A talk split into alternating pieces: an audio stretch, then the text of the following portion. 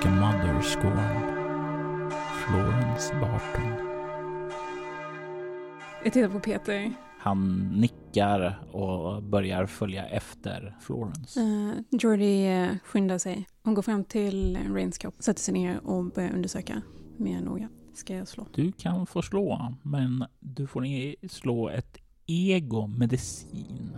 Du kan få fortfarande använda detaljer. 11. Uh, du börjar studera kroppen. Vi klipper bort ifrån dig ett slag. Yep.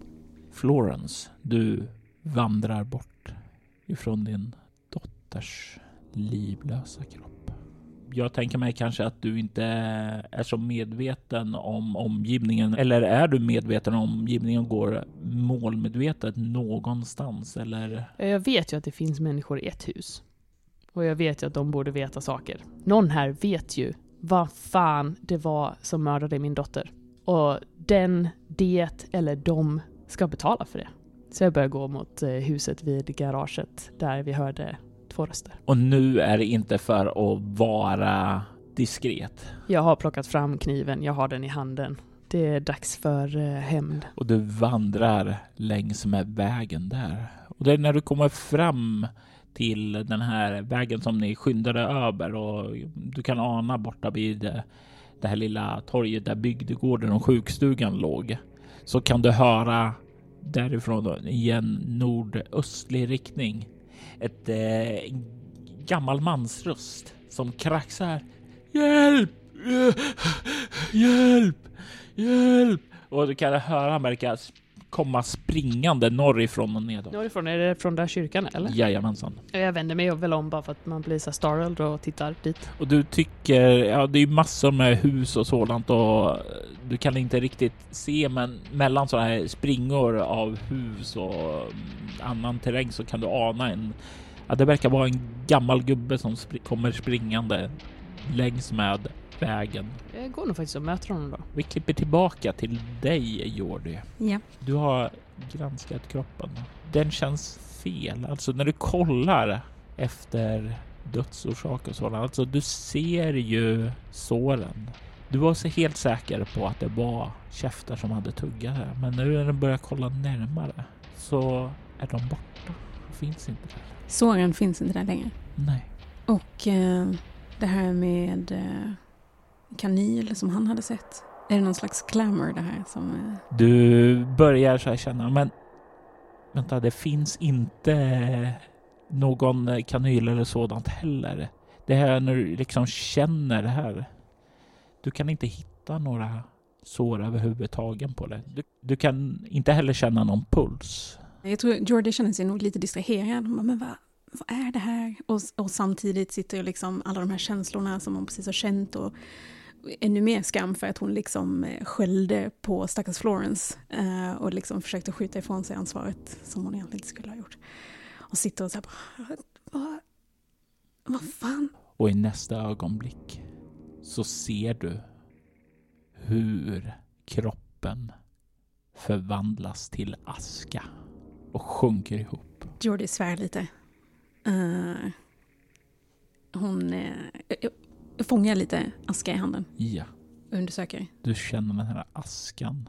Det är inte första gången du har sett kremerade människor. Alltså, så du känner ju, vad heter det, att ja, men det, det är aska. Det är riktig aska. Men du har inte sett någon, någon form av kemisk reaktion eller något sådant, utan den kom från ingenstans. Den känns inte naturlig på något sätt.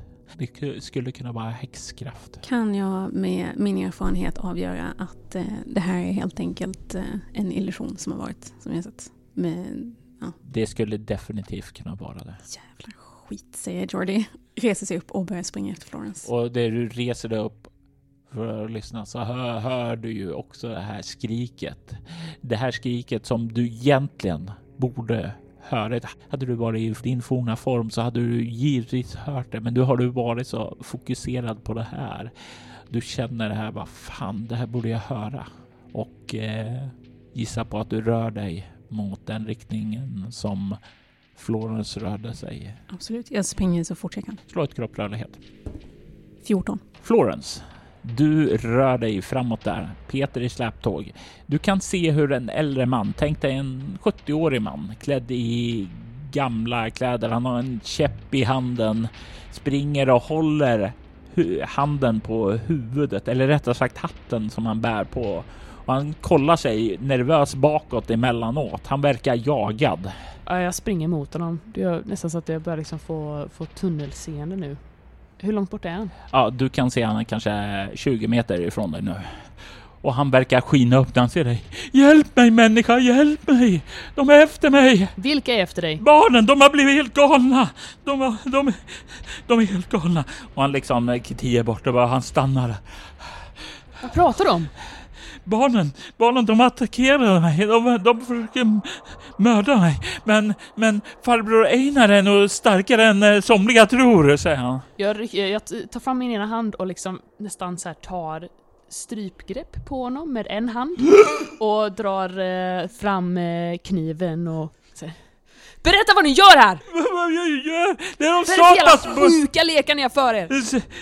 De satans barnen, de, de har mördat andra. Det är häxan här, det måste vara hennes fel. De, de är kontrollerade. Och det vill du att jag ska tro på? Ja, men, Ta lite jävla ansvar! Vadå? Jag har redan... Nej men jag försöker, jag har redan dödat två Erkänn! Erkänn! Säg vad du har gjort med min dotter! Vadå det är din dotter? Vad fan gör din dotter här? Vad, men, vad fan är du?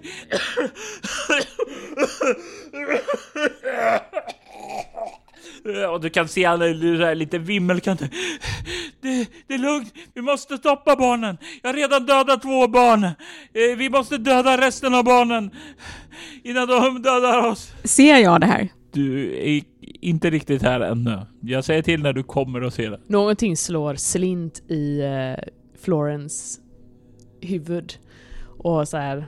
Hon, hon lutar sig fram och nästan så här väser fram genom sammanbitna käkar. Du ska inte mörda några fler barn.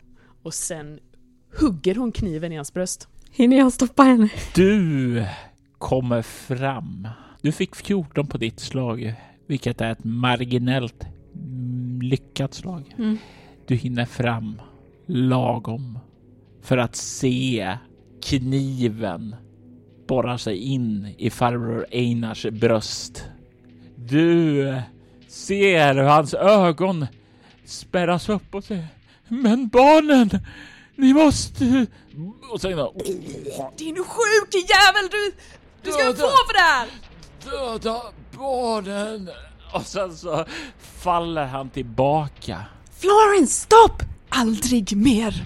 Och du kan se när han sjunker tillbaka hur det inifrån hans lilla väst trillar ut en sak. En blodig kniv som mycket väl skulle kunna användas för att penetrera din dotters kropp och bringa henne om livet. Du ser hur Faraina trillar till marken. Det brinner blod från din kniv. Aldrig mer. Florence, stopp! Du ser hur Florence är täckt med blod som har stängt upp eh, och tårarna bara strömmar ner. Och hon har, hennes ögon, det, liksom, de är, det är helt svart. Någonting har slagit slint i Florence Bartons eh, huvud. Florence, det var en illusion! Hon, hon är inte död. Hon lever. Hon är här någonstans. Rain! Hon lever! Vad pratar du om? Nej, Rain är död. Jag, jag, jag det var en illusion! Kolla! Det var bara aska. Det är någonting, någon typ av häxkraft. Och det är ungefär i det här, här läget som ni bara ser hur Peter bara kollar åt er och sen så bara dimper han i marken. Eh, det blir för mycket för honom. Mord, aska och illusioner. Han svimmar. Jag knuffar bort eh, Florence från eh, farbror Einar och försöker kolla om det går att rädda honom på något sätt. Florence stapplar bakåt och så här, ser liksom nästan så här umtöcknad, yrvaken ut. Va? Jag, jag, förstår, jag förstår inte. Jag förstår inte. Du kan slå ett ego-medicin, Jordi. Tio.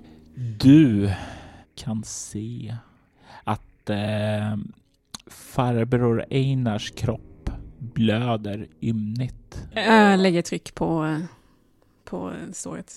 Ja, han är inte död. Och liksom, du håller ju för det där och det hjälper ju till att fördröja det här. Men eh, ja, du känner just nu i läge att han skulle behöva akut läkarvård att ringa 112 eh, vid det här laget skulle vara en bra sak. Eh, det är vad du skulle göra i vanliga fall. Men du sitter just nu i ett ganska trångt läge. Du kan hålla honom, men han skulle behöva ordentlig operation. Såret tvättas med ja, eh, alkohol och sådant, desinficeras och sys igen. Minst. Bedömer jag att hoppet är ute för farbror Einar? Ja, om inte no någon eh, läkare finns här i trakten eh, så är det rätt kört. Florence! Kom hit! Håll tryck här! Jag så här, tar dina, dina händer och liksom lägger dem där du ska hålla. Du känner ju att de darrar. Tryck hårdare! Florence trycker hårdare. Jordi reser sig upp och går fram till närmaste dörr och eh, skriker på svenska. Ring 112, vi behöver ambulans! Och du hör hur Jordi plötsligt börjar skrika på något utländskt eh, tungomål då. Eh, och eh, du hör Jordis bankande på eh, dörren och det här ekar igenom trakten.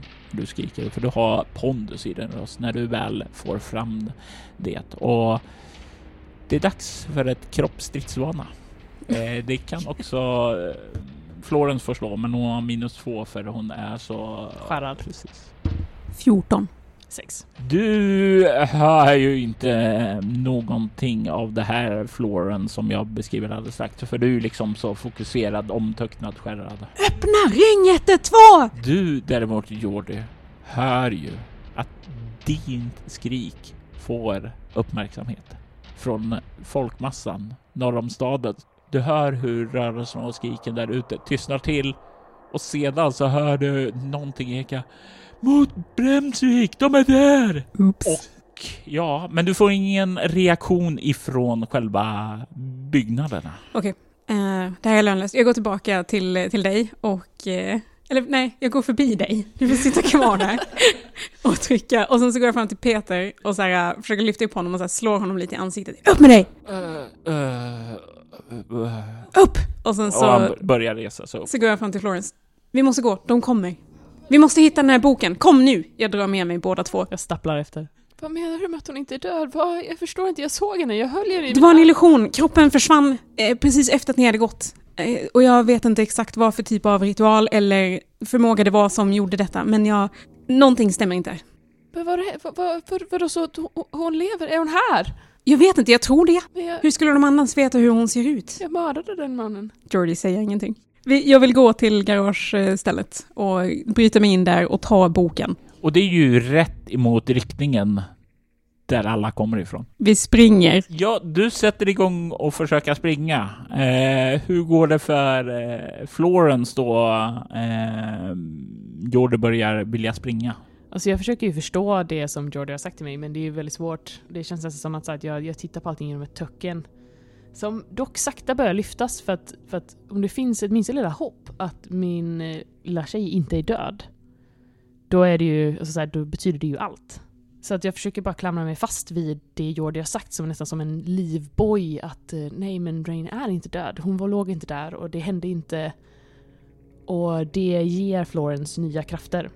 Så att jag stapplar efter Jordi, men för varje steg så blir det liksom lite mer bestämt och, och så här att jag börjar få tillbaka fattningen. Peter, han verkar ganska förvirrad, vet inte vad som hände, men det, det, det, man är starkare i grupp i alla fall, så han liksom följer efter er och bara försöker hänga på. Vet inte vad som händer. Kommer, vi- hinner vi fram till huset? Jag vill att ni slår ett kropp rörlighetsslag. Tips är att slå högt. Peter kommer upp i 13. Jag slog ett. Men jag har ju den här, eh, jag får slå om en slag per eh, spelmöte, men måste ta det nya resultatet. Du använder din hanka dig fram. Jag fick 14. Yes. Jag fick två i alla fall, det var ju bättre. Åtta. Du känner ganska snart när du försöker springa Pernilla att Peter verkar kunna hålla jämna tempo, men eh, Florence är inte alls i det här skicket att följa efter. Så du hamnar i valet att ja, följa med Florence och inte hinna fram dit innan de är tillbaka. Mm. Eller eh, försöka springa dit och sedan leta och springa tillbaka. Alltså Jag, eh, jag säger till Peter, spring förväg, hitta boken. Vi, vi ses vid, vid Sasha. Ni kommer stapplandes ut i skogen. Så hör ni Peters skrik. Då byborna kommer ifatt honom. Slider tag i honom. Och ni kan höra på avstånd. ah, vi har honom! Bra! Sasha, vi har Sasha! Bara för honom tillbaka till eh, kyrkan! Nej! Jävla skit. Och ni hör hur de börjar släpa honom bortåt. Ni kan höra hans skrik och ni kan höra till slut och bara Käften Peter! Och sen hör ni ett ljud av en gevärskolv som slås mot huvudet och det tystnar. Jordi, vad, vad, vad gör vi? Jordi vänder och springer tillbaka. Till eh, mot eh, stugan. Alltså till garagestället. Ja. I need that book. Eh, Florence eh, följer efter. Jordi springer ganska målmedvetet och eh, ja, Florence springer väl, stapplar väl efter då. Ja, när jag inser vad det är, hon- vart hon är hon är på väg, eh, så då, det känns som att då är jag lite mer med på noterna. Det känns lite weird kanske att prioritera boken över de andra. Men Jag tänker att vi kan sätta stopp för det här om vi bara vet vad det handlar om. Liksom. Ja, men alltså Florence är rätt crowd för det. Alltså på det Mm. sättet. Mm. Alltså jag tror såhär, det- Jordi och Florence har nog mer likheter än vad de tror. Alltså Mm. såhär, Florence, alltså, det är inte så att hon är en såhär superduper överempatisk människa som bryr sig överdrivet mycket om Peter och Sasha egentligen. Utan, men jag vill ju ha tillbaka mitt barn. Springer du snabbast möjligt eller? Ja, nej men Eh. ja, det gör jag. Eh, jag. Jag, jag tänker att, eh, eller jag, gam, jag tar risken att alla de här eh, arga byborna nu, nu är liksom samlade runt Peter, att de är på väg mot kyrkan. Så min plan är att jag ska bara springa, jag ska pila direkt in i garaget och liksom ta den dörren. Och bara gå in där och inte bry mig om om det är någon där inne. Utan bara, jag ska in och ha den där boken. And, eh, jag, jag är fine med att eh, skrämma folk om det är någon kvar där, inklusive barn, tyvärr. Du rusar då eh, och du kommer ju springa ifrån Florence. Eh, men Florence ser ju var du är på väg och vet väl det. Så du stapplar väl efter då gissar jag. Ja, och jag inser också att här, jag har ju tappat den här kniven då, för att jag blev ju så ställd där när eh, Jordi började prata om att Rain inte alls är död, så att då, kniven måste liksom ha fallit mig ur händerna på något sätt. Jag har inte riktigt tänkt på det förrän nu. Så jag har ju inget vapen heller. Du som kommer lite efter kälken ser ju också när ni springer tillbaka, när ni springer förbi farbror Einars kropp. Men men nu är ju Jordi passerar förbi det där, det är inget konstigt. Hon har ju mål eye on the prize. Så hon springer bara förbi det. Florence, du börjar närma dig och det är liksom så här, just ja, kroppen ligger där. Och nej.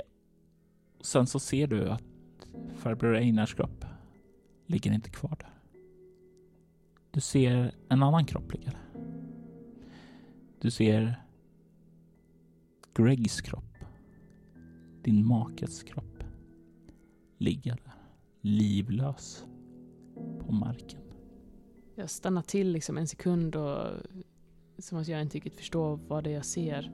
Du ser din dolk inhuggen i hans bröst. Precis där du huggde. Sen kommer jag ihåg det Jordi sa, att det var det var något annat. Det var något, jag, jag kommer inte ihåg vad hon sa, men det, det var någonting. Det var inte sant. Sen så tittar jag bort från Gregs kropp och så försöker skaka av med det och, och börjar springa vidare mot stugan. Och i ögonvrån när du börjar springa så ser du kroppen en sista gång innan den förvandlas till aska. Och du minns då en illusion. Det är som om plötsligt en känsla av att allting här inte känns helt verkligt. Att det känns som man fantasi hallucination, dröm. Slå ett skräckslag. Utstrålning. Omskakande. Sju. Om det inte är på riktigt, då kanske inte hon är död. Din dotter kanske lever trots allt. Ett hopp börjar leta sig in i ditt hjärta och du får tillbaka en skräcknivå. Och sedan gissar jag att du fortsätter efter Jordi. Ja. Du kommer fram till huset och du kan faktiskt se dörren på framsidan står öppen och du kan se hur en bok ligger tappad utanför farstubron. Perfect. Det verkar som Peter fann boken men inte han iväg med den. Stackarn. Du kommer fram till boken och kan se att det är en, ja, eh, tänk en sån liten eh, bygdesamlingsbok tryckt i få exemplar för ett, ja, just ett litet samhälle i sig då. Eh, inte särskilt många exemplar, men den ser gammal ut och det står Mm. som sagt var myt och skrockor i Bremsvik. Jag, eh, jag snappar upp boken och eh, det är fortfarande ljust ute, eller hur? Det är mitt på dagen. Ja, det är på eftermiddagen nu, men det är fortfarande ljust ute.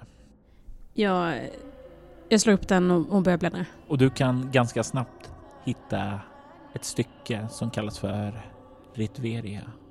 Och vad som går att eh, uttyda av texten är att eh, det verkar som att folket samlats i kyrkan för en midnattsmässa fredag den 15 juli 1899. Den natten hade en storm dragit in över trakten och eh, luffaren Karl Herneus hade gått länge och var vilse.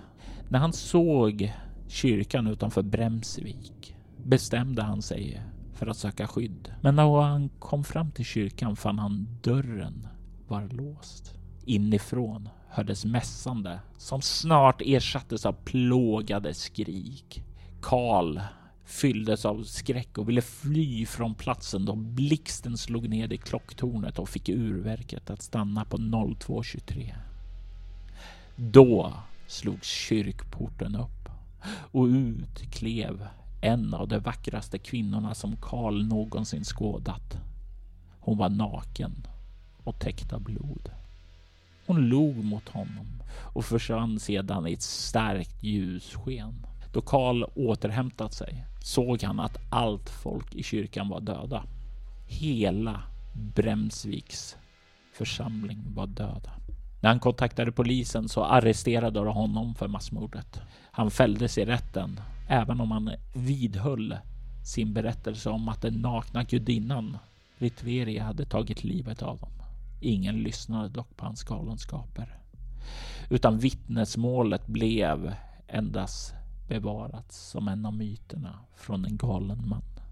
Och det är när du kommer till slutet av den här passagen som Florence kommer fram till dig. Det verkar som att det bara konfirmerar egentligen det som de sa tidigare. Finns det någonting mer i boken, alltså så här fysiskt? Är det någon som har skrivit någonting eller finns det någon lapp någonstans? Eller bläddrar lite fram och tillbaka? Det finns något mer i boken som du lägger märke till med ditt detaljskarpa utseende. Det verkar som om en, ja, tre blad har ryckts ur boken. Är det före eller efter eller Det är eh, efter. precis efter? Mm. Jäklar. Är Det är det? någon som har rivit ut eh, sidor ur boken. Så det finns information här som saknas. Vad gör vi då? Ska vi försöka hitta den? Ehm, ja, det hade väl varit det bästa men eh, jag tror inte att vi har tid med det just nu. Um, Jordy ser sig om lite grann. Uh, kan man se det här någonstans? Ligger det någonting här? Nej, det verkar inte. Alltså och utifrån vad du gissar på också är de inte nyligen uttryckta utan det är längre tillbaka. Ja, jag tror inte vi kommer hitta dem just nu. Ska vi ta oss till kyrkan? Jag tror det är bäst. Frågan är om vi kan hitta någon mer typ av vapen. Klampar ut i garaget igen. Mm. Jordy har ju spenderat en del tid i Sverige sedan tidigare. Mm. Så hon vet ju att svenskar väldigt sällan har skjutvapen och sådär hemma. Ehm, men eh, det kanske finns någonting. Det verkar ju ändå vara någon slags jägarsamhälle här. Mm. Så eh, ja, men hon går och letar efter någon, någonting som man kan skjuta med. Eh, inne i det här huset eller i andra hus?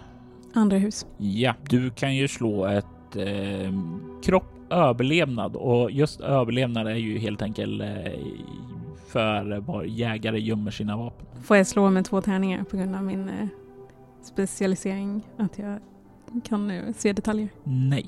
Under tiden som Jordi letar vapen, vad gör Florence då? Följer hon med Jordi eller? Ja, men det gör jag nog. När Jordi går ifrån så följer jag med. Men jag plockar nog ändå med mig eh, potentiellt inte en cirkelsåg, men kanske typ en yxa eller någonting. Men jag, jag, när jag ser att Jordi letar efter andra typer av vapen så gör jag det också. Då kan du, om ni letar tillsammans och du hjälper till där, så kan ni ju faktiskt få plus två. Ah, eh, jag slog 14, så då blir det 16. Du kan hitta ett jackskåp och ett jackskåp som eh, efter en lite arbete går att bryta upp. Kanske med yxan. Ja, nej men precis. Teamwork. Eh, och du kan plocka ut ett ordentligt jaktgevär Okej. och en ask patroner. Nice. Ja, det är bra. Då beger vi oss väl till kyrkan. Och ni har ju rört er ljudlöst genom skogen däremellan tidigare, så ni börjar känna trakten. Men jag kommer att säga att ni behöver slå ett kropp obemärkt mot deras, men ni får plus två för ni kan sägas ha scoutat ut området. Och ni ska komma upp i 15. Jag får 12 men eh, frågan är om man kan använda någon av mina andra här. Jag har ju eh, modersinstinkt och eh, alltså egentligen senvana då men det, är- ja, det kanske inte funkar. Nej, det får du inte använda mig av. Ska vi inte bara stjäla en bil och köra dit så vi hinner dit fortare? Då behöver ni inte slå slaget i sånt fall. Nej. It would send a statement. Ja, Kör in genom kyrkportarna. ja. Ja, let's, let's, fucking, alltså let's fucking do it. Peters bil är ju där. Right? Ja. Det är hans bil, eller hur? Jajamän. Eh, Frågan är om den är lagad än. Testa. Ha- Han sa ju att eh, den funkar. Han var bara inte, han var inte säker på om han kunde åka tillbaka med den för den verkar dö ibland. Okej, ja men då... Eh, jag gissar att eh, nycklarna lär ju finnas där då också. Jajamensan, de sitter i. Oh, perfect. Jag går tillbaka till garaget, sätter mig i bilen och... Och när du drar igång där så vill jag att ni slår ett eh, utstrålningsskräckslag. Eh, Svårighetsgraden är sju då. För när ni drar igång så dundrar hårdrocksmusiken ur högtalarna i en så här stor hög basnivå. Ni bara känner hur det skakar till och kastas bakåt nästan av det. Jag slog 11. Sju. Eh, ni får inga skräcknivåer av det, men om ni var halvslumrande tidigare så är ni definitivt vakna nu. Eh, Jordi eh, lutar sig fram och ska stänga av musiken. Florence lutar sig alltså fram och så här, nästan för att, för att hindra dig och lägga en hand på din, eh, på din hand och så här, titta på dig och skaka på huvudet. Let the fuckers know we're here. Jordi eh, tittar på Florence och, och sen nickar honom. Och ni kör norrut i staden mot kyrkan. Ni svänger in i den här stigen som leder upp däremot och vad är intentionen när ni börjar närma er? Vad vill ni göra? Um, Jordi kör och så säger hon, ehm, hon berättar om den här uh, legenden då. Uh, det var en luffare som uh, kom hit. Alla byborna var i någon slags midnattsmässa. Blixten slog ner. Klockan stannade på 02.23. Och sen dök det upp den här kvinnan då som vi har sett. Eh, och försvann. Och den här luffaren blev satt i fängelse för att, eh, anklagad för att ha mördat alla de här byborna. Och det här var alltså 100 år sedan. Jag vet inte exakt vad det är som pågår här, men jag tror att det kanske har någonting med klockslaget att göra. Frågan är ju också vem, vi blev, vem som kallade hit oss. Alltså är det den här eh, seriemördande demonen eller är det, är det på något sätt Sasha? Är det byborna? Vem, alltså... Det var, ju, det var ju exakt den här symbolen som vi stod i, eller hur? Det kanske det, kanske det var. När vi kom hit så stod vi i en symbol med ett öga. Det var ju exakt det som, eh, som Sasha och Peter sa var symbolen för Ritveria. Så demonen kallade hit oss, men varför? Va, va, vad vill hon att vi ska göra? Vi kanske... Vad vad- vad var nu eh, meddelandet som du såg igen? Rädda byn, annars kommer världen att brinna. Jag tror att de kanske försöker ö, återupprepa det som hände, eller någonting. Vi måste, vi måste stoppa dem från att göra det. Okej, hur dödar man en demon? Det beror på om den är fysiskt manifesterad eller inte. Jag vet faktiskt inte om det är en demon eller inte. Eller om det bara är eh, häxkrafter som vi har att göra med. Den här mannen som jag... Florence har svårt att så här slutföra meningen. Jag- Jag såg honom nu när, när vi sprang, men det var inte... Det var inte han. Det var... Det var Greg. Jag, jag är helt säker på att det var Greg. Men han låg där, han var... Han var död. Som om det var han jag hade mördat. Det var nog bara en illusion, Florence. Jag, jag, jag tror det också, för att, för att sen... Det var som att han löstes upp. Typ i... I aska. Det var exakt det som hände med Med Rains kropp. Men hur kan vi då veta att någonting vi ser här är verkligt? Det, det, det kändes verkligt Jordi när jag... Hon kan återigen inte riktigt fullfölja meningen.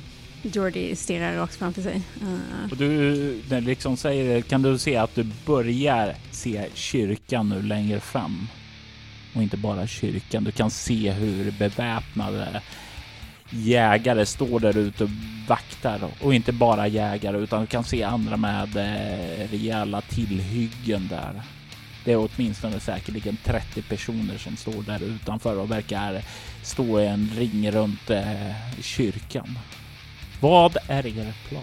När ni nu kommer köra med dundrande hårdrocksmusik. Med eh, tillräckligt hög hastighet så kan vi bara med över dem som står utanför. Men frågan är ju så här, vilka... de har ju skjutvapen och grejer.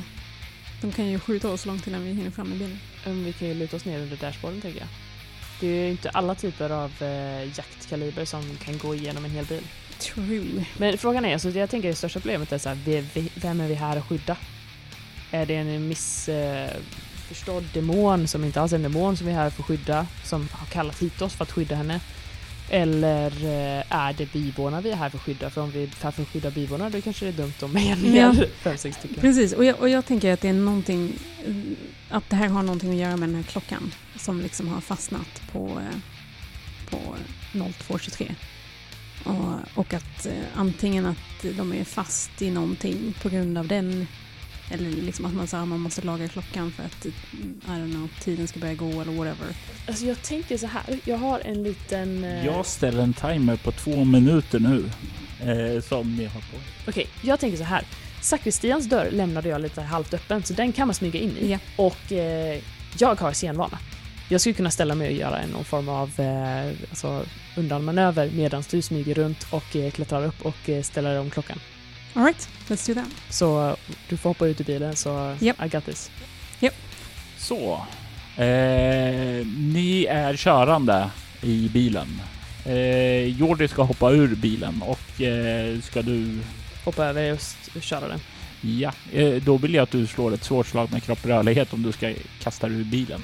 Men huvudsaken är ju bara att innan de ser oss att eh, Jordi kan hoppa ut. Tekniskt sett så, vi har ju etablerat att du ser folkmassan längre fram, så de kan nog redan se er. Men i så fall kanske vi bara ska stanna bilen. För jag tror inte de ser in i bilen, right? Nej, de ser bara att bil har, eh, kommer där. Så jag, eh, jag saktar in och sen så klättrar jag bak och så får du hoppa över.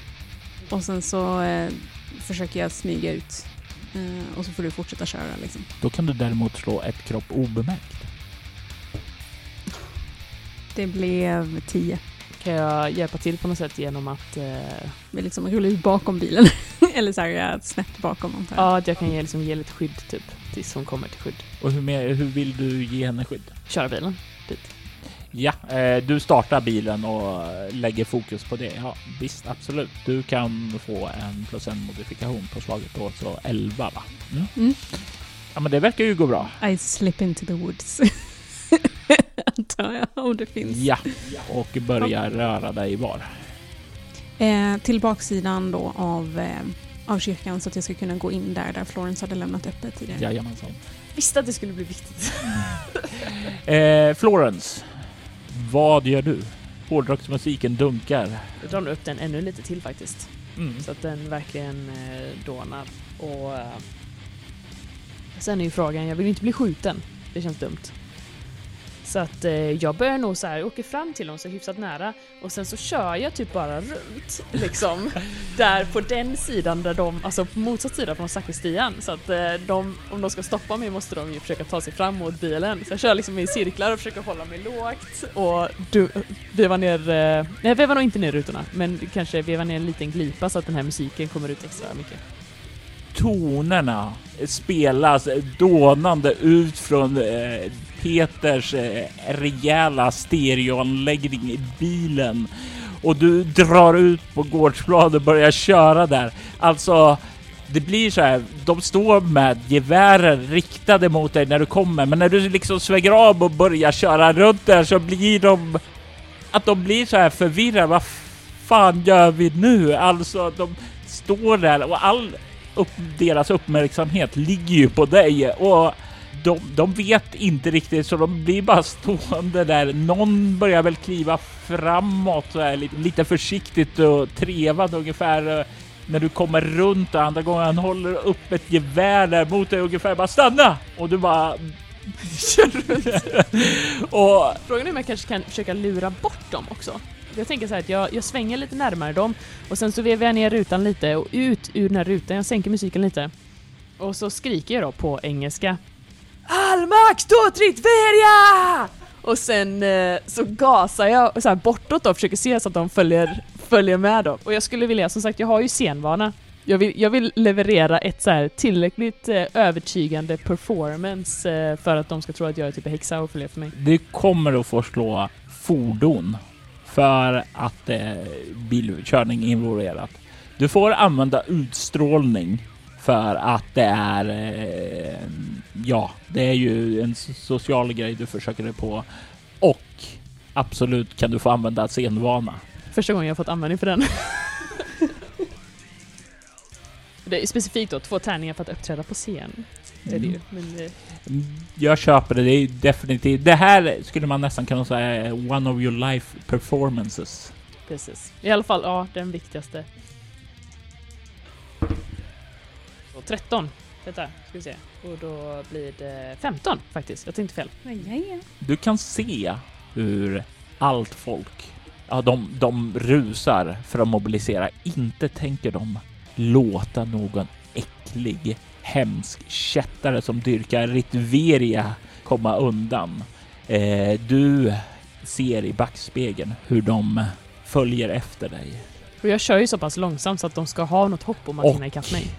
Det är ju inga problem. Du tajmar in det där och du kan se som sagt vara hur de bränner e- efter dig och du börjar komma ut ur den här gången. Du ser att eh, du kommer fram till den här korsningen i vägen. En som leder tillbaka till byn och en som leder utåt ur byn. Och just när du börjar tänka okej, var ska jag? Var ska jag svänga? Jag ser att de är efter mig. Jag måste välja snart. Så ser du det dyker upp en kvinna i korsningen eh, med lång korpsvart hår med lysande vitglödgande ögon. Musiken ifrån bilstereon skiftar då ett starkt vitt sken sveper upp och dränker trakten i ett vitt sken. Jordi, du rör dig genom skogen för att komma runt. Du hör ju vad Florence gör. Och när du, lagom när du har kommit runt så hör du hur alla andra bilar och så verkar starta där och de börjar ge sig efter henne. Du kan se ifrån där du befinner dig nu att det är tomt och ödsligt här bak. Och du ser dörren stå på glänt. Jag springer genom kyrkogården fram till dörren. Du kommer fram dit och när du liksom kommer in i sakristian så hör du ljudet inifrån och du kan höra en man som talar. Den här mannens röst känner du igen. Det verkade vara han som talade eh, precis när ni vaknar upp här i trakten. Det verkar vara han, han som är lite grann av den som verkar ha auktoriteten här. Du kan höra han på svenska säger och när vi har välsignat dem är det dags att en, för en gång för alla släppa fri gudinnan så att vi en gång för alltid kan sända henne tillbaka till det helvete hon kommer ifrån. Hennes makt ska inte få längre finnas här i byn. Eh, Jordi tar fram geväret och eh, avsäkrar det. Du kommer fram till dörren och du kan se att den, den är ju stängd här. Och om du vill försöka diskret öppna den får du då slå ett lätt slag med kropp obemärkt. Eh, I och med att det sitter, jag antar att det sitter folk där inne. Eh, de har väl ganska fri sikt fram till den här dörren som jag... Inte fri sikt. Eh, sådär, de flesta sitter eh, vad heter det, rakt fram och troligtvis fokuserad mot punkten där han talar. Och han står ju inte framför dörren utan lite vid sidan om. den Där. I så fall så slår jag 14. Du får upp en lagom stor springa för att kunna sticka ut gevärspipan ut dit.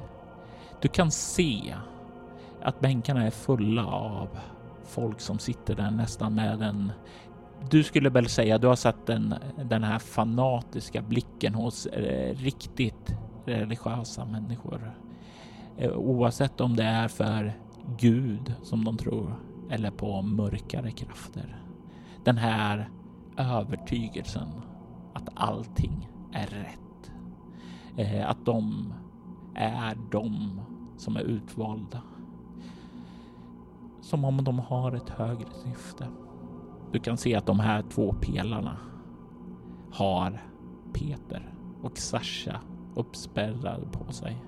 Du kan se hur borta vid Peter så står en äldre man med en fackla i sin hand som brinner.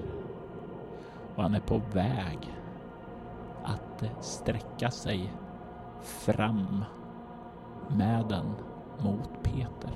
Med, med den informationen som jag har hittills med, med, illusioner och så vidare och det som Florence berättade att den här mannen som hon hade huggit, att han också försvann i aska. Tror jag att alla de här människorna är askpersoner. Du kan slå ett ego-okkultism. 13.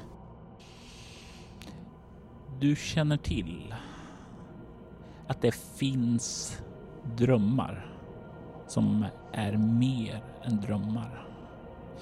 Du känner eh, till eh, att det finns en del som är duktiga på att manövrera drömmar och kan utföra stora dåd, magi så att säga i dem.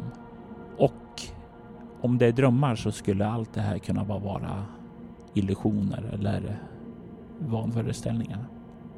Men ett, en sak i ditt sinne som nästan håller den här informationen tillbaka är att du minns ifrån eh, din tid inom Fate är att om du, så länge du själv inte vet att du drömmer, så kan du inte dö av drömmen. Men när du är medveten om att du drömmer, då kan en död i drömmen döda dig i vaket tillstånd. Och den här insikten kommer till dig. Så börjar du inse nu att ditt eget liv står på spel här. Allt du gör här kan få en konsekvens i ditt vakna tillstånd. Och plötsligt är oddsen mycket högre. Jordi eh, tar en millisekund och funderar på den här insikten. Um, och sen eh, sparkar hon upp dörren och säger Stopp! Du kan eh, se när du sparkar upp dörren hur mannen med facklan rycker till och stapplar bakåt där och eh, du ser eh, hur eh, hela församlingen där drar sig undan och kollar bort emot dig. Men alla stoppar. Du kan se hur den här mannen vänder sig mot dig. Jag riktar geväret mot honom och säger släpp facklan på svenska. Du kan se han eh, kolla mot dig. Han släpper den inte, men han sänker den lite. Ungefär som han är redo att tala. Du, vem? Det, det måste göras. Det är inget vi njuter av, men vi måste stoppa häxan. Jag går långsamt men målmedvetet fram mot honom så att han förstår att jag kommer inte stanna.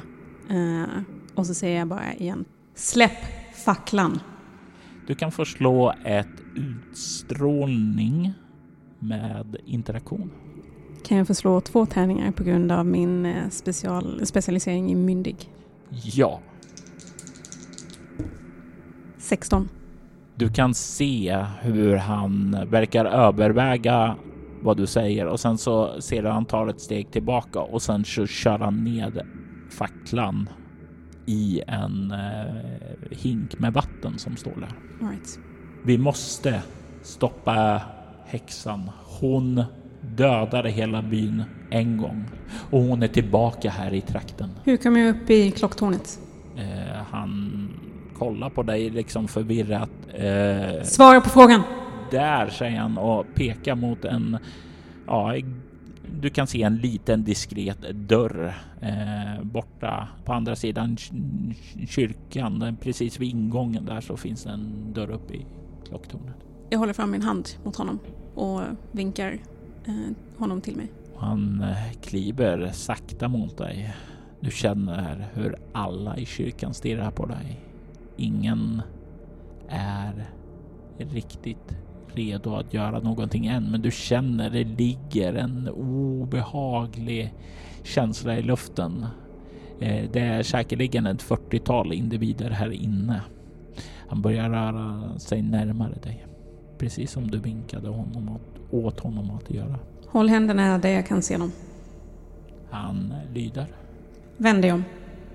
Han vänder sig om. Jag tar tag i, eh, i, eh, i nacken på hans eh, tröja eller skjorta eller vad han har för någonting. Och sen trycker jag geväret mot ryggen på honom. Mitt barn. Du. Du behöver inte göra det här. Du måste förstå att vi vill inte göra det här. Vi vill bara att häxan ska fördrivas, att hon inte ska mörda fler. Så länge hon är tillåten att leva så är vi alla i fara. Ritveri är en styggelse. Eh, den här eh, dörren upp till, eh, upp till klocktornet, måste jag gå igenom?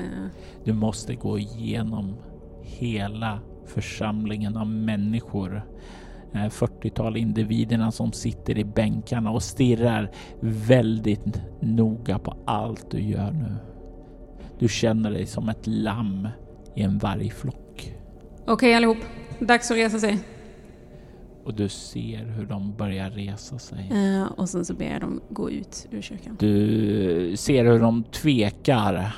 Men uh, du kan se att mannen, Harry, som uh, står där med geväret tryckt in i ryggen, gör en gest åt dem att lyda. Du ser hur personerna längst bort tar de första stegen och börjar gå mot dörren och de andra verkar följa. Och du ser den första personen ta tag och öppna dörren. Och då så slås dörren upp med ett brak och den här personen som står där på väg att öppna får liksom dörren slagen med kraft emot sig. En sådan kraft att han liksom far bakåt eh, och blir mosad mellan väggen och dörren som slår upp och du ser hur folket skriker i panik då de ser en kvinna stå där utanför. En kvinna med stålgrå hud, korpsvart hår och vitglödande ögon. Och du hör, nej, Ritver är här. Du, vi, vi måste offra dem. Det är vår sista chans. Vi måste offra dem. Hör du Harry skrika åt dig? Vad gör Jordi? Tror jag på riktigt att om, om jag offrar två personer så kommer den här försvinna? Slå ett ego ockultism. Får jag slå två eh, på grund av eh, att jag kan lägga märke till saker som inte stämmer? Nej. Jag slog en sexa. Eh, så det blir eh, 15. Av det du hunnit observera härifrån. Ja, förberedelserna och eh, små detaljer du har observerat upp så känns det som att eh, det skulle kunna fungera eh, om de hade haft mer tid på sig. Men vanligtvis brukar ju alla de här esoterikerna som frammanar eh, krafter och sådant ha ganska långa ritualer och sådant och det känns inte som det finns tiden för det nu. Du skulle nog tro att nej, sätter du eld på dem så brinner de bara. Han kommer nog inte hinna göra någonting. Nej, men mer att eh, så det var rätt. Du skulle nog kunna gissa på att det skulle kunnat funka. Um, och den här mannen som jag håller i, han, han, eh, han typ står och skakar och bara Ja, och han håller ju upp händerna och där står det bara Vi måste, vi måste bränna dem, vi måste, det är vår sista chans. Jag tror det är för sent. Och du känner det där när du säger det, vågen av tvivel som sveper över dig. Gjorde du rätt? Var det återigen ett det här misslyckande? Är det så att Du skulle ha handlat annorlunda. Tvivlen sköljer över dig och i nästa sekund kommer nästa våg. Ett starkt ljussken sveper över dig och du känner det här ljuset dränker kyrkan ackompanjerad av skriken av människorna som bränns till aska där inne. Du vaknar upp med ett ryck i sängen i Algeriet. Du ser morgonljuset lysa in ifrån fönstret utanför. Du kan se att ditt rum inte är vandaliserat. När du kollar på klockan, det är dagen efter du anlänt hit. Du har haft en intensiv dröm. En dröm som inte är som vanliga drömmar. En dröm som du minns i perfekt detalj. Det är vanliga, i vanliga fall så liksom försvinner drömmarna. De blir luddiga, glider undan. Men inte den här drömmen. Du minns mötet med Florence. Du minns detaljerna om Ritveria. Och under din färd söderut senare under de kommande veckorna så börjar du också höra rykten om att andra här nere i den afrikanska landsbygden också haft drömmar. Drömmar om den svenska byn Bremsvik. Drömmar om saker och ting som sker där. Saker och ting som de saknar kontext till. Det är som en epidemi av drömmar sveper igenom världen.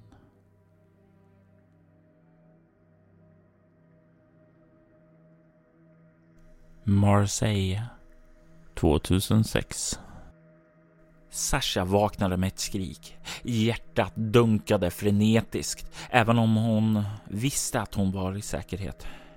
Det var bara en mardröm. Exakt samma mardröm som hon hade haft så många gånger de senaste åren. Den där sommaren i Bremsvik hemsökte fortfarande hennes minnen.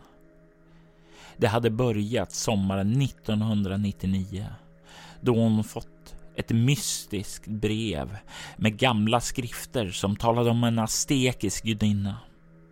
Det i sig hade kanske inte varit så anmärkningsvärt om det inte hade varit för att skrifterna själva skilde sig från andra mer ordinära sådana. Gudinnans namn stämde inte heller in i språkbruket, vilket först fått henne att avfärda dokumenten som förfalskningar. Det var dock någonting i texten som hade fått henne att gräva vidare. Något som ledde fram till en mardrömslik insikt. Inte förrän hon mött den oskuldsfulle Peter Berg insåg hon vilken härva de hade dragits in i. Den namnlösa gudinnans frigörande. Felaktigt hade de båda trott att byborna i Bremsvik var fienden. Att de försökte frammana gudinnan så att eh, hon kunde dränka världen i blod. I själva verket hade Sasha använts som en marionett av den namnlösa gudinnan. Peter och byborna var döda. Endast hon själv hade skonats som tack för den roll hon spelat i gudinnans frigörande. Sasha hade blod på sina händer som aldrig skulle gå att tvätta bort. Hennes handlingar hade frigjort ett väsen som förgjort en hel by fylld av människor. Det var något hon var tvungen att leva med. Hon hade svurit att finna botgöring för sina handlingar. Något som skulle göra de andras död meningsfull. Även om det kostade henne livet skulle hon stoppa den namnlösa gudinnan. Först då skulle hon finna ro. Blicken föll på klockan som stod på 02.23. Sasha reste sig upp ur sängen och tog på sig morgonrocken. Just som hon var på väg och lämnat sovrummet stannade hon till vid dörren. Någonting kändes fel. Sasha vände sin blick tillbaka in i det mörka rummet utan att lägga märke till något ovanligt. Hennes hand gled till strömbrytaren och då fingret fick taklampan att tändas avslöjades en uppenbarelse som hon inte hade väntat sig. I fåtöljen satt en anemisk man iklädd slitna ålderdomliga kläder och stirrade på henne. Hans händer var knäppta kring den käpp han hade framför sig. På läpparna syntes ett brett, nästan vansinnigt leende. Lord Elam Price. Till er tjänst, Miss Mitchell. Ilams röst var högtydlig och han uttalade orden med en tydlig brittisk accent. Sasha stirrade på honom med misstänksamhet i blicken. Inte för att lorden såg ut att kunna göra en fluga för när, men det var just det. Utseende hade en tendens att bedra. Det hade hon lärt sig den hårda vägen. Ilam verkar dock uppfatta hennes vaksamhet. Om jag velat göra er något ont så hade jag gott om möjligheter att göra så då ni sov. Han hade en poäng. Hur länge hade han egentligen suttit där i mörkret? Vad vill du mig? Jag är här för att bistå er. Ni söker efter den namnlösa gudinnan, om jag har förstått saken rätt. Hur vet du det? Och jag hör både det ena och det andra då jag slumrar. Ni försöker finna ett sätt att hejda gudinnan. Eller tar jag fel? Sasha stelnade till. Hon kände sig obekväm med hur mycket den här mannen tycktes känna till om hennes uppdrag. Hennes efterforskningar hade varit ytterst diskreta. Vem som helst skulle inte kunna få reda på detta. Bara dem som visste vad de skulle leta efter. Vem är du egentligen? Nåväl, jag ser att ett misstag har begåtts. Om ni icke vill ha kunskapen om gudinnans förehavanden ska jag icke störa er längre. Ilam reste sig upp från fåtöljen med synbar ansträngning. Sasha bet sig i läppen. Hade han information var den ytterst välkommen eftersom hon för tillfället hade kört fast. Samtidigt kunde det vara en fälla gillrad av den namnlösa gudinnans kultister. Sasha hade haft en del problem med släkten Winterburn på sistone och det verkade inte alls lika villiga att skona hennes liv som gudinnan själv varit. Fan också. Sashas röst var uppgiven. För all del. Slå er ner. Lorden nickade lätt åt hennes ord och sjönk tillbaka ned i fåtöljen. Hans läppar sprack åter upp i ett leende samtidigt som Sasha själv satte sig ned på sängen. Gudinnan färdas emot San Sebastian. Varför skulle hon bege sig dit? Då jag fortfarande var henne på spåren så passerade vi staden. Men ingenting hände där. Det inträffade givetvis något i staden. Att ni inte uppfattade är inte bevis nog på att ingenting hände. Tonläget var nedlåtande, men Sasha tryckte tillbaka impulsen att stäsa av honom med ett vasst svar. Minnen väcktes i henne om svunna tider, vilket fick henne att erinra vad hon var satt att söka efter. Sasha lutade sig framåt, nu betydligt mer nyfiken än tidigare. Letade gudinnan efter någonting var det för att hon behövde det för sin infernaliska plan. Kanske fanns det en chans för Sasha att hitta vad det nu var innan gudinnan och sätta käppar i hjulet för henne. Långt innan det som människan kallar för civilisation smiddes en fantastisk relik. Den sades vara skapad utav en bit av månen, ty i månskenet lyste den klar och glänsande. Det var ett vapen, en smäckersvärdskvinna med ett syfte. Hon ämnar använda den för sin plan. Ilam nickade åt Sashas fråga. Och reliken finns i San Sebastian. Det är helt sant. Finner gudinnan svärdet har ett stort steg tagits mot ritualens genomförande. Tur för mig att jag vet exakt vart jag ska vända mig då jag kommer till stan. Vågar man sig på en fråga om var ni ämnar leta? Ilams röst var lugn. Lite för lugn tyckte Sasha. Varningsklockor började ringa och det var nu hon insåg varför mannen gett henne så mycket information. Han måste vara en av kultisterna som behövde hjälp att finna reliken. Det var den enda logiska förklaringen. Sashas hand for in under kudden. Hon drog snabbt fram den gamla revolvern som hon hade där under och riktade den mot mannen. Men istället för att bli skärrad fortsatte han att le samma obehagliga leende som tidigare. Jag vet nog vem du är. Om du tror att jag tänker leda din gudinna till reliken, tror du fel. Han nickade lätt och ögonblicket efter dog lampan. Allt blev svart. Instinktivt tryckte Sasha av revolvern, inte bara en gång utan flera, sex gånger närmare bestämt. Därefter tystnade allt då det var slut på kulor i vapnet. Med bultande hjärta blev Sasha sittande på sängen i mörkret. Med dryck vaknade Sasha. Snabbt sträckte hon sin hand mot lampan på nattduksbordet och då ljuset eh, mjukt lyste upp rummet såg Sasha att hon var ensam. Det hela hade bara varit en dröm. Eller? Enligt vissa var drömmarna ett sätt att sortera intryck som man samlar på sig under dagen. Genom drömmarna kunde informationen sedan tolkas och visdom hämtas.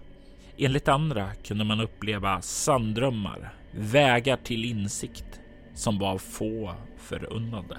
Sasha visste inte om hennes dröm stämde in på någon av dessa beskrivningar, men hon var säker på en sak. Den var annorlunda mot en vanlig dröm. Hon mindes varje liten detalj av den. Hur Lord Price såg ut. Hur han hade lett lite för vänligt mot henne. Det var inte naturligt. Kanske var det här ett tecken. Nåja, det kunde inte skada med en resa till San Sebastian. Med den tanken reste sig Sasha upp ur sängen och gick för att packa.